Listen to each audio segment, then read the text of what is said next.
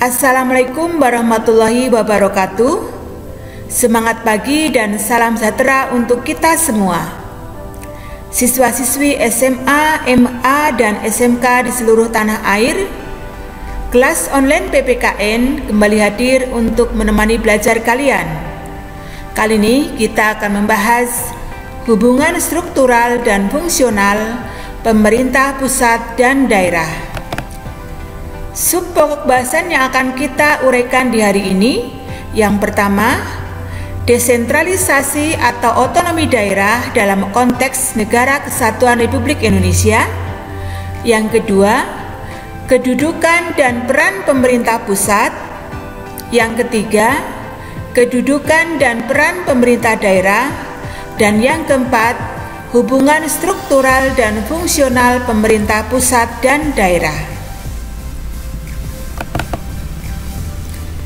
Latar belakang pembahasan Negara Republik Indonesia sebagai negara kesatuan menganut asas desentralisasi dalam penyelenggaraan pemerintahan dengan memberikan kesempatan dan keleluasaan kepada daerah untuk menyelenggarakan otonomi daerah.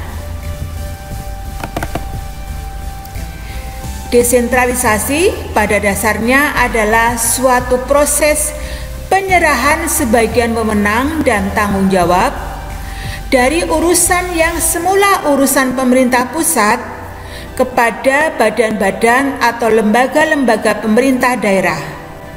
Tujuannya adalah agar urusan-urusan dapat beralih kepada daerah dan menjadi wewenang serta tanggung jawab pemerintah daerah.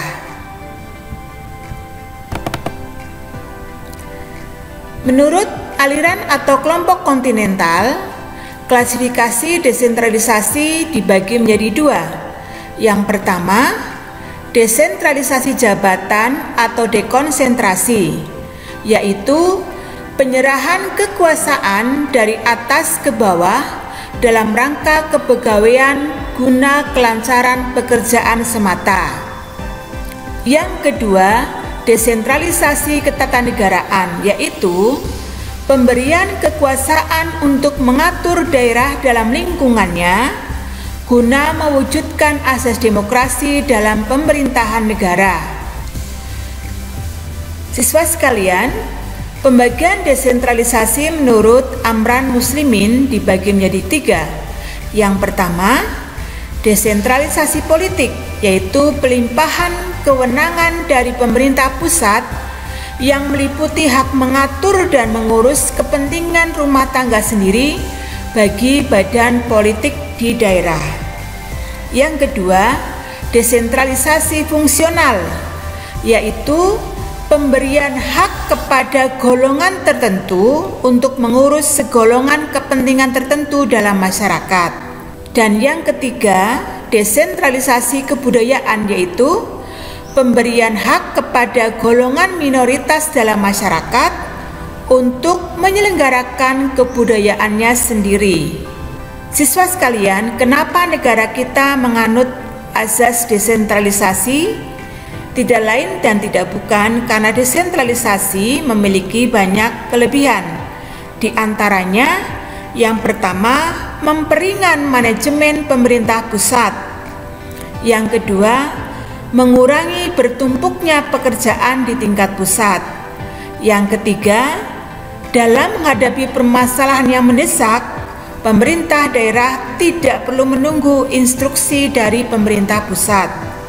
Yang keempat, dapat mengurangi birokrasi dalam arti buruk karena keputusan dapat segera dilaksanakan. Dan yang kelima, resiko yang mencakup kerugian dalam bidang kepegawaian, fasilitas, dan organisasi dapat dibagi. Selanjutnya kita bahas apa pengertian otonomi daerah. Menurut Undang-Undang Nomor 9 Tahun 2015 tentang perubahan kedua atas Undang-Undang Nomor 23 Tahun 2014 tentang pemerintahan daerah, otonomi daerah adalah hak, wewenang, dan kewajiban daerah otonom untuk mengatur dan mengurus sendiri urusan pemerintahan dan kepentingan masyarakat sesuai dengan peraturan perundang-undangan.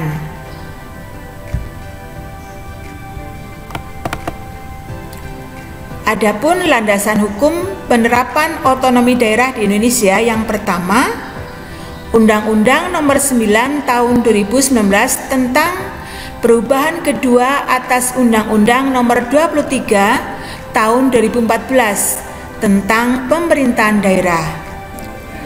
Yang kedua, Undang-Undang Nomor 11 Tahun 2006 tentang pemerintahan Aceh yang diganti dengan Undang-Undang Nomor 18 Tahun 2001 tentang otonomi khusus Nangro Aceh Darussalam. Yang ketiga, Undang-Undang Nomor 21 Tahun 2001 tentang otonomi khusus bagi Provinsi Papua. Yang keempat, Undang-Undang Nomor 29 Tahun 2017 tentang pemerintahan provinsi daerah khusus ibu kota. Yang kelima, Undang-Undang Nomor 13 Tahun 2012 tentang keistimewaan daerah istimewa Yogyakarta. Siswa sekalian, dalam pelaksanaan otonomi daerah, negara kita menganut nilai-nilai dasar. Nilai dasar yang pertama yaitu nilai unitaris yang diwujudkan dalam pandangan bahwa Indonesia tidak mempunyai kesatuan pemerintahan lain di dalamnya yang bersifat negara. Yang kedua, nilai dasar desentralisasi teritorial yang bersumber dari pasal 18 Undang-Undang Dasar tahun 1945 yang mewajibkan pemerintah melaksanakan desentralisasi. Siswa sekalian, selanjutnya titik berat pelaksanaan otonomi daerah adalah pada daerah kabupaten atau kota dengan pertimbangan sebagai berikut. Yang pertama, dimensi politik.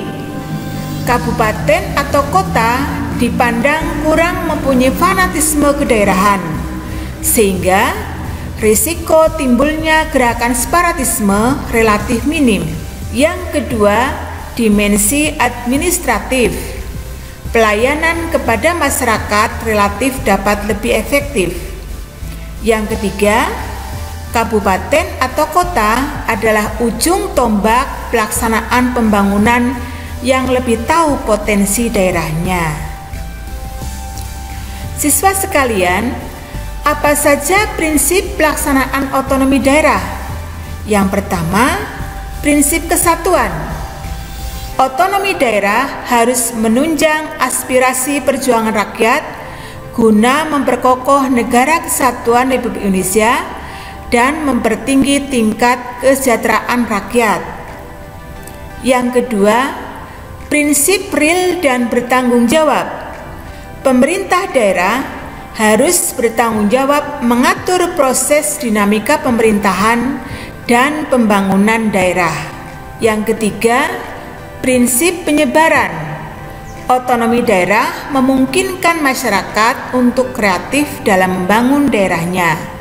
Yang keempat, prinsip keserasian, misalnya menjaga lingkungan hidup agar bangsa dan negara tetap lestari. Yang kelima, prinsip pemberdayaan. Otonomi daerah bertujuan untuk meningkatkan daya guna dan hasil guna penyelenggaraan pemerintahan. Siswa sekalian, kita teruskan pada pokok bahasan yang kedua, yaitu kedudukan dan peran pemerintah pusat.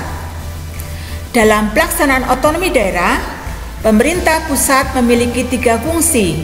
Yang pertama, fungsi layanan dalam rangka memenuhi kebutuhan masyarakat secara adil. Yang kedua, fungsi pengaturan dalam rangka mengatur dan memberi perlindungan kepada masyarakat. Yang ketiga, fungsi pemberdayaan sebagai fasilitator untuk membantu menemukan jalan keluar dalam menghadapi persoalan hidup. Siswa sekalian, dalam fungsi pengaturan, pemerintah pusat wajib menyediakan infrastruktur ekonomi berupa institusi dasar bagi berlangsungnya ekonomi modern, seperti pelindungan terhadap hak milik, hak cipta, dan hak paten. Yang kedua, pemerintah juga wajib menyediakan barang dan jasa kolektif. Yang ketiga, pemerintah wajib menjembatani konflik dalam masyarakat. Yang keempat, pemerintah wajib menjaga kompetisi agar selalu sehat. Yang kelima, pemerintah wajib menjamin akses minimal terhadap barang dan jasa. Dan yang keenam, pemerintah wajib menjaga stabilitas ekonomi.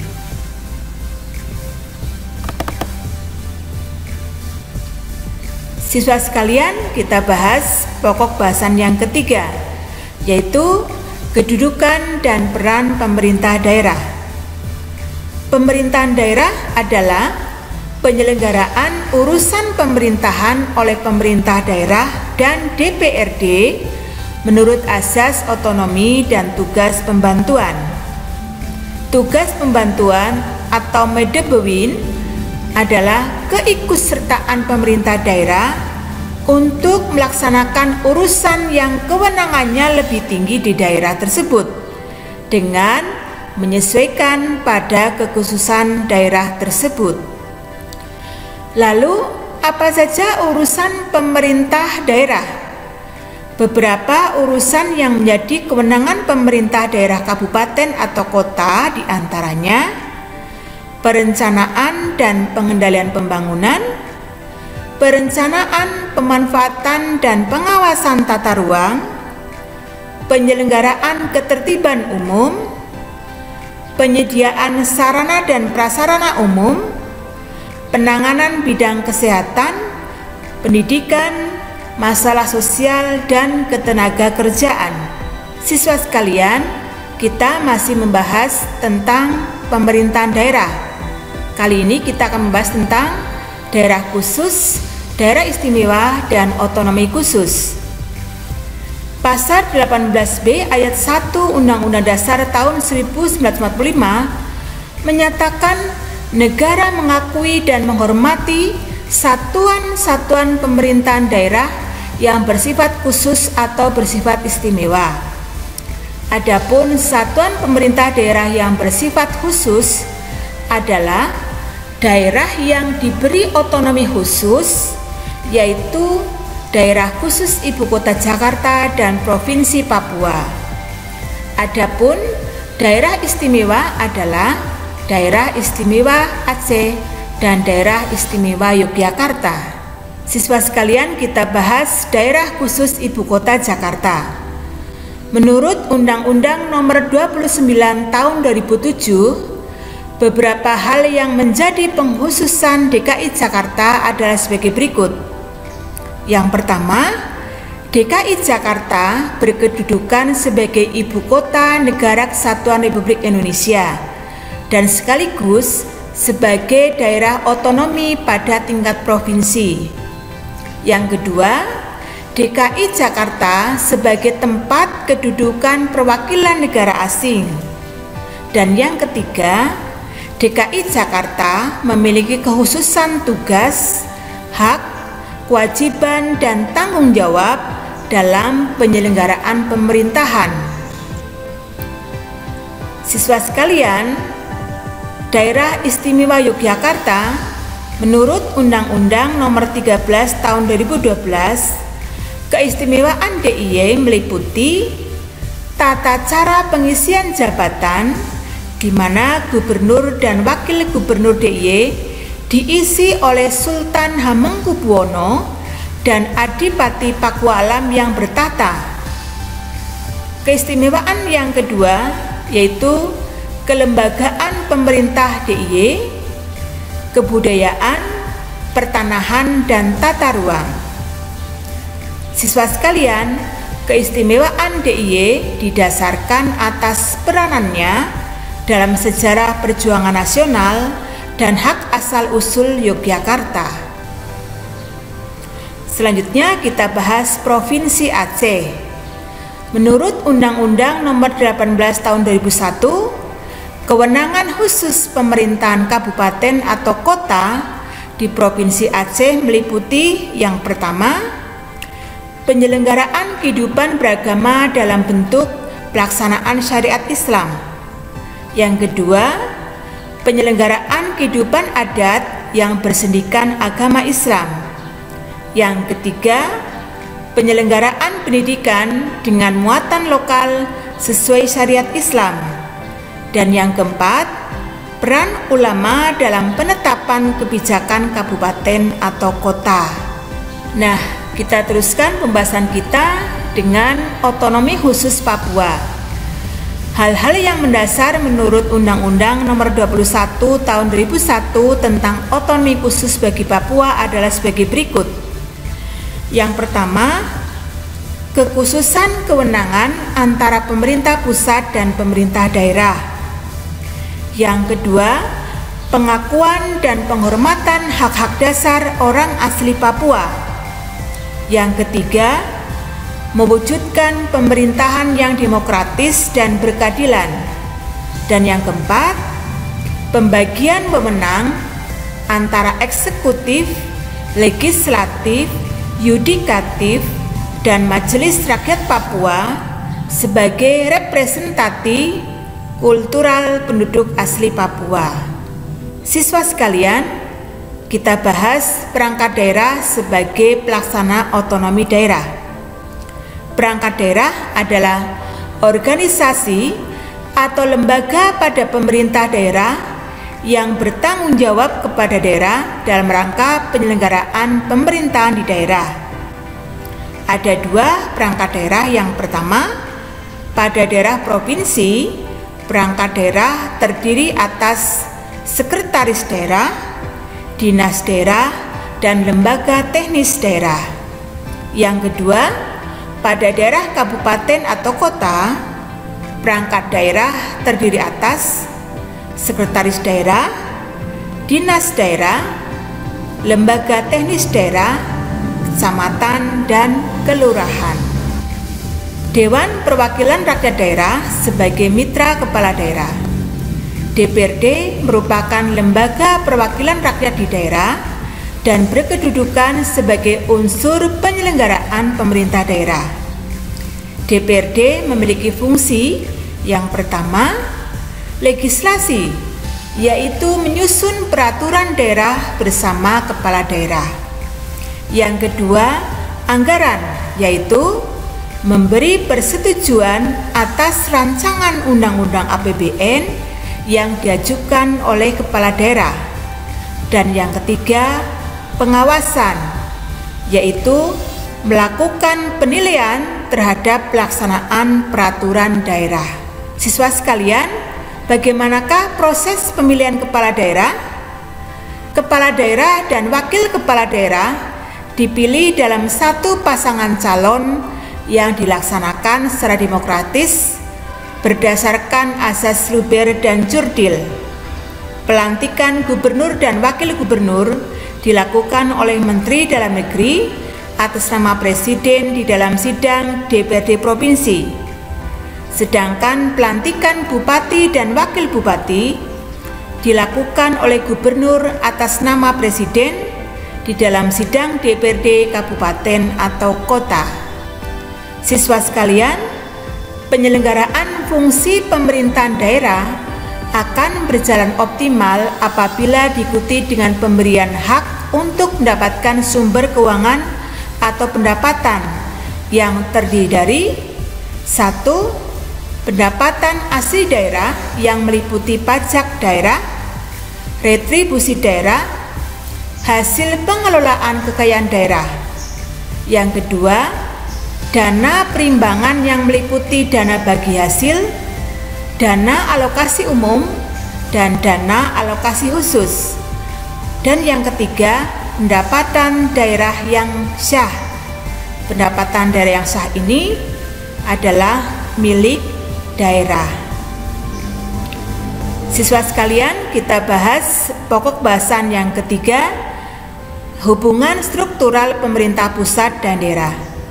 Dalam sistem negara kesatuan Republik Indonesia, terdapat dua cara yang dapat menghubungkan antara pemerintah pusat dan pemerintah daerah. Yang pertama, sentralisasi, yaitu segala urusan, fungsi, tugas dan wewenang penyelenggaraan pemerintah ada pada pemerintah pusat yang pelaksanaannya dilakukan secara dekonsentrasi. Dan yang kedua, desentralisasi, yaitu segala urusan, fungsi dan tugas serta wewenang pemerintahan diserahkan kepada pemerintah daerah. Siswa sekalian, terdapat tiga faktor yang menjadi dasar pembagian urusan, fungsi, tugas, dan wewenang antara pemerintah pusat dan daerah. Yang pertama, fungsi yang berskala nasional dan berkaitan dengan eksistensi politik diserahkan kepada pemerintah pusat. Yang kedua, fungsi pelayanan masyarakat yang perlu disediakan secara beragam untuk seluruh daerah, dikelola oleh pemerintah pusat.